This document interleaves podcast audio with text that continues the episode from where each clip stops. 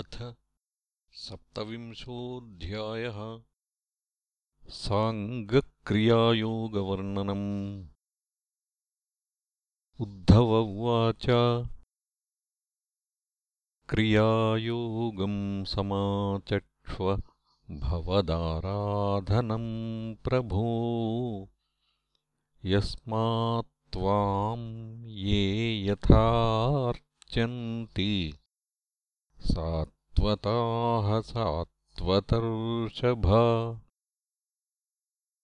एतद्वदन्ति मुनयो मुहुर्निःश्रेयसम् नृणाम्। नारदो भगवान् व्यास आचार्योऽङ्गिरसः सुतः निःसृतं ते मुखाम्भोजाद्यदाह भगवानजः पुत्रेभ्यो भृगुमुख्येभ्यो देव्यै च भगवान् भवः एतद्वै सर्ववर्णानामाश्रमाणाम् च सम्मतम् श्रेयसामुत्तमम् मन्ये स्त्रीशूद्राणाम् च मानदः। एतत्कमलपत्राट् क्षकर्मबन्धविमोचनम् भक्ताय चानुरक्ताय ब्रूहि विश्वेश्वरेश्वर। श्रीभगवानुवाच। न ह्यन्तोऽनन्तपारस्य कर्मकाण्डस्य चोद्धव सङ्क्षिप्तम् वर्णयिष्यामि यथावदनुपूर्वशः। वैदिकस्तान्त्रिको मिश्र इति मे त्रिविधो मखः त्रयाणामीप्सितेनैव विधिना माम् समर्चयेत्। यदा स्वनिगमेनोक्तम् द्विजत्वम् प्राप्य पूरुषः यथा यजेत माम् श्रद्धया तन्निबोध मे अर्चायाम् स्थण्डिलेऽग्नौ वा सूर्ये वाप्सु हृदि द्विजे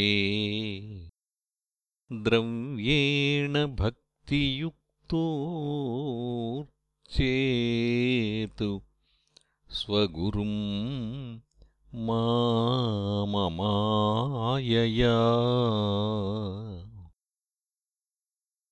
पूर्वम् स्नानम् प्रकुर्वीत धौतदन्तोऽङ्गशुद्धये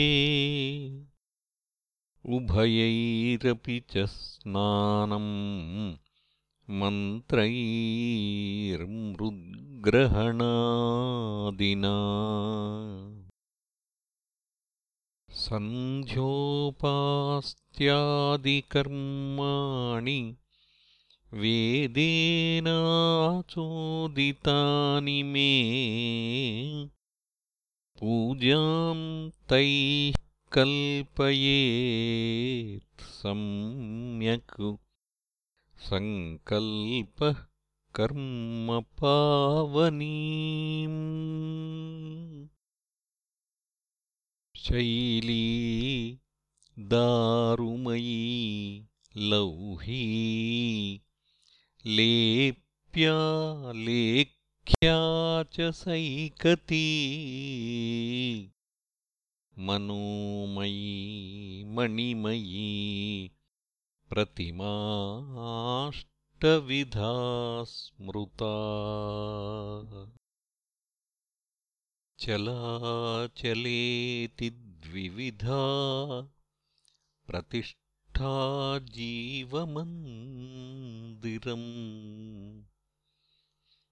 उद्वासावाहनेन स्तः स्थिरायामुद्धवार्चने।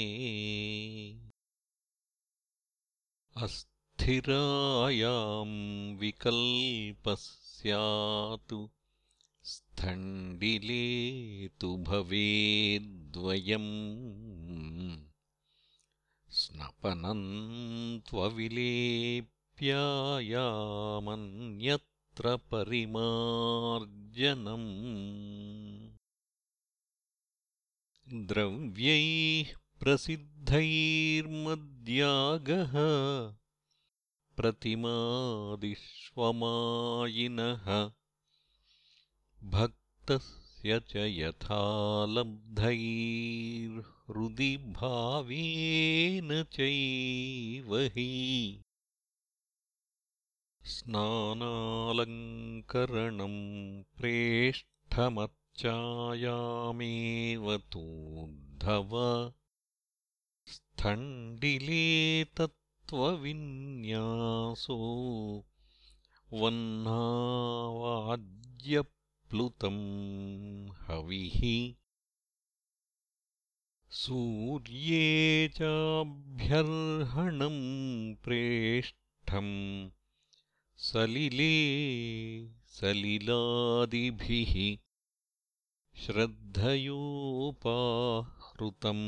प्रेष्ठम् भक्तेन मम वार्यपि। भूर्यप्यभक्तोपहृतं न मे तोषाय कल्पते। गन्धो धूपः सुमनसो दीपोन्नाद्यं च किं पुनः? शुचिः सम्भृतसम्भारः प्राग्दर्भैः कल्पितासनः आसीनः प्रागुदग्वार्चेदर्चायामथ सम्मुखः कृतन्यासः कृतन्यासां मदर्चां पाणिनामृजेतु कलशं प्रोक्षणीयम् च यथावदुपसाधयेत्। तदद्भिर्देवयजनम् द्रव्याण्यात्मानमेव च प्रोक्ष्यपात्राणि त्रीण्यद्भिः तैस् तैर्द्रव्यैश्च साधयेत्। पाद्यार्घ्याचमनीयार्थम् त्रीणि पात्राणि देशिकः। हृदा शीर्ष्णा च शिखया। गायत् चाभिमन्त्रयेत् पिण्डे वायुवग्निसंशुद्धे हृत्पद्मस्थां परां मम अण्वीं जीवकलां ध्यायेन्नादान्ते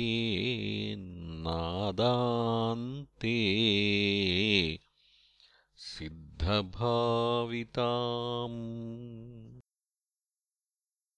तयात्मभूतया पिण्डे व्याप्ते सम्पूज्यतन्मयः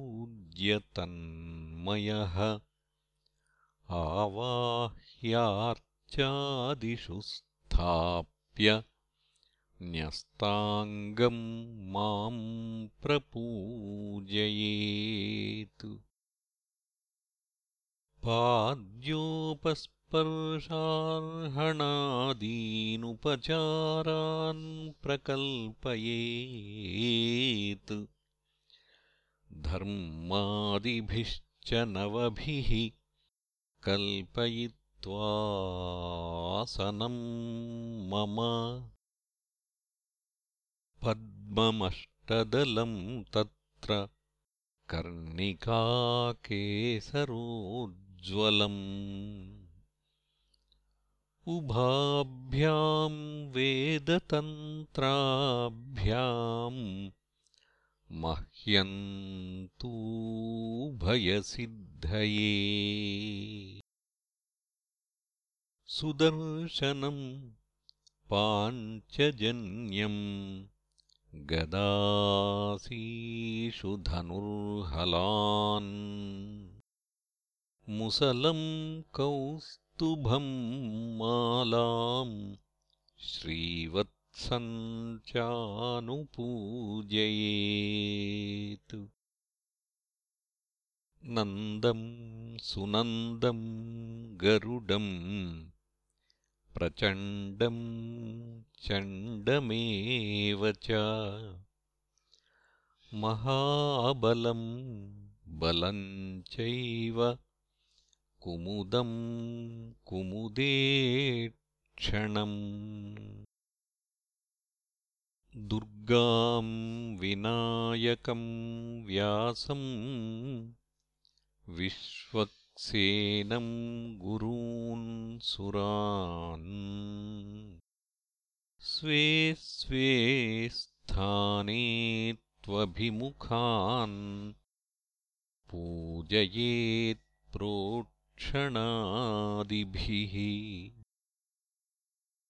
पूजयेत्प्रोक्षणादिभिः चन्दनोशीरकर्पूरकुङ्कुमागुरुवासितैः सलिलैः स्नापयेन्मन्त्रैर्नित्यदा विभवे सति। स्वर्णघर्मानुवाकेन महापुरुषविद्यया पौरुषेणापि सूक्तेन सामभीराजनादिभिः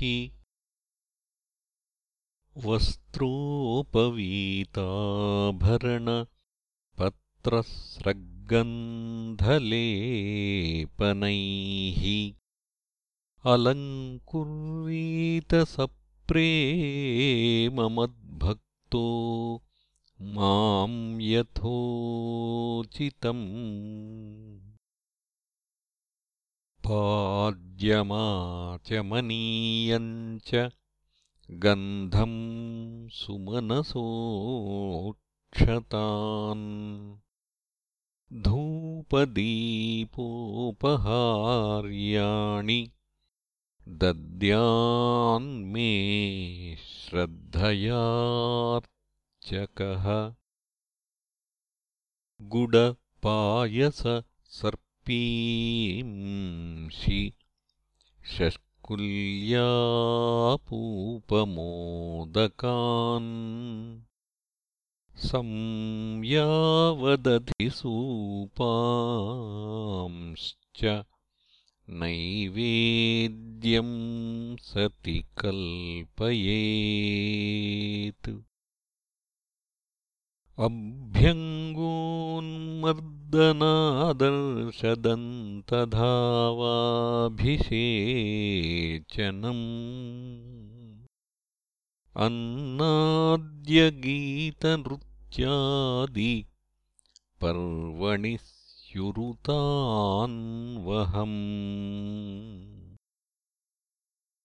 विधिना विहिते कुण्डे मेखलागर्तवेदिभिः अग्निमाधाय परितः समूहेत्पाणिनोदितम्।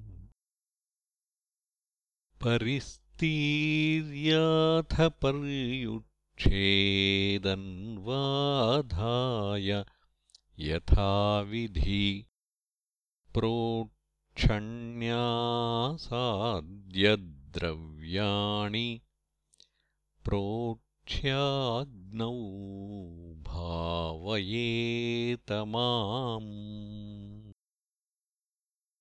तप्तजाम्बूनदप्रख्यम् शङ्खचक्रगदाम्बुजैः लसच्चतुर्भुजं शान्तम् पद्मकिञ्जल्कवाससम्। स्फुरत्किरीटकटककटिसूत्रवराङ्गदम्। श्रीवत्सवक्षसं भ्राजत्कौस्तुभम् वनमालिनम्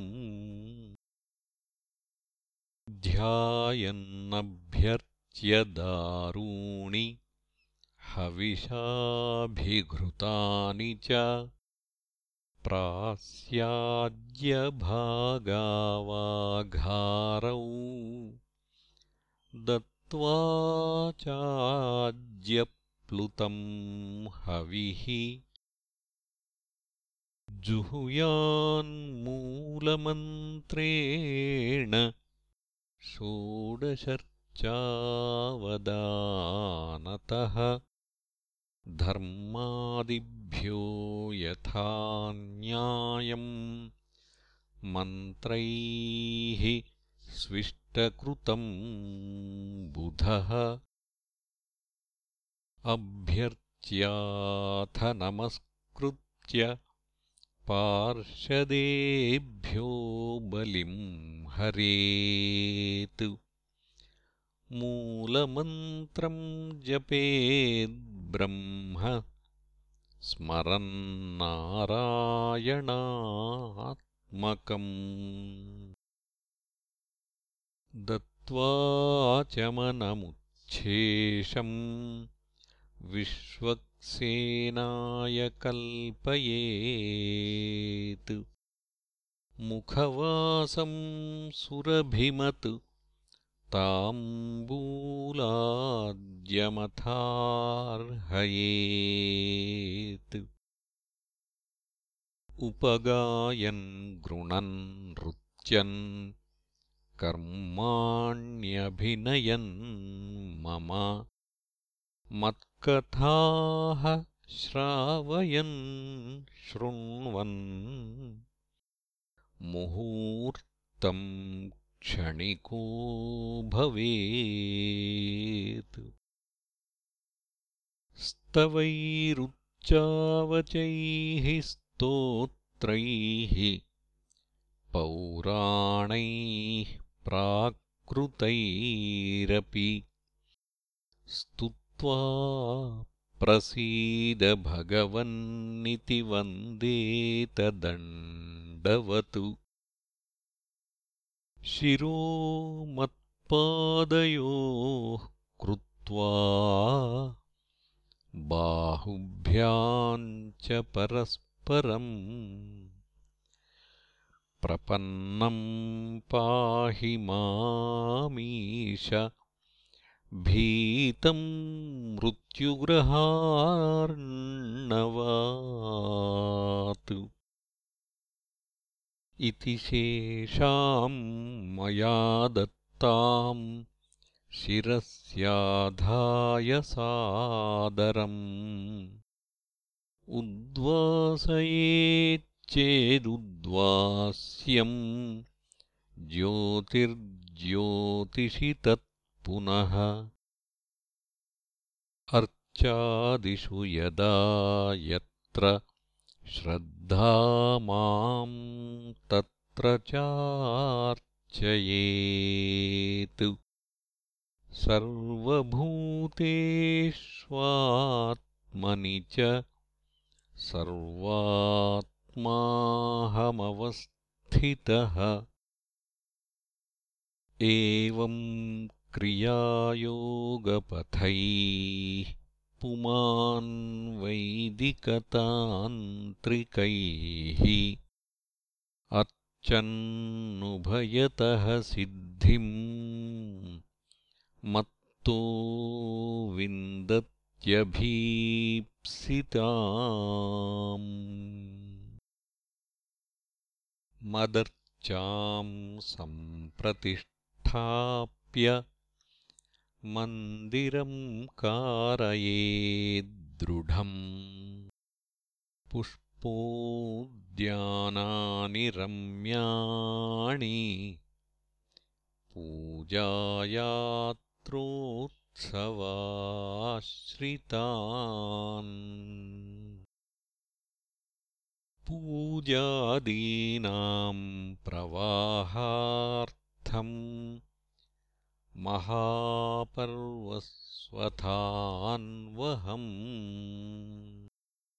क्षेत्रापणपुरग्रामान् दत्त्वा मत्सार्ष्टितामियात् प्रतिष्ठया सार्वभौमम् सद्मना भुवनत्रयम् पूजादिना ब्रह्मलोकम्। त्रिभिर्मत्साम्यतामियात्। मामेव नैरपेक्ष्येण। भक्तियोगेन विन्दति भक्तियोगं स लभते एवं यः पूजयेत माम्। यः स्वदत्तां परैर्दत्ताम्। हरेतसुरविप्रयोः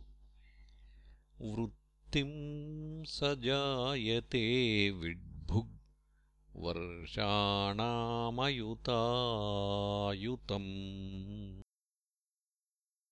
कर्तुश्च सारथेर्हेतोरनुमोदितुरेव च कर्मणां भागिनः प्रेत्य भूयो भूयसि तत्फलम् इति श्रीमद्भागवते महापुराणे पारमहंस्याम् संहितायाम् एकादशस्कन्धे सप्तविंशोऽध्यायः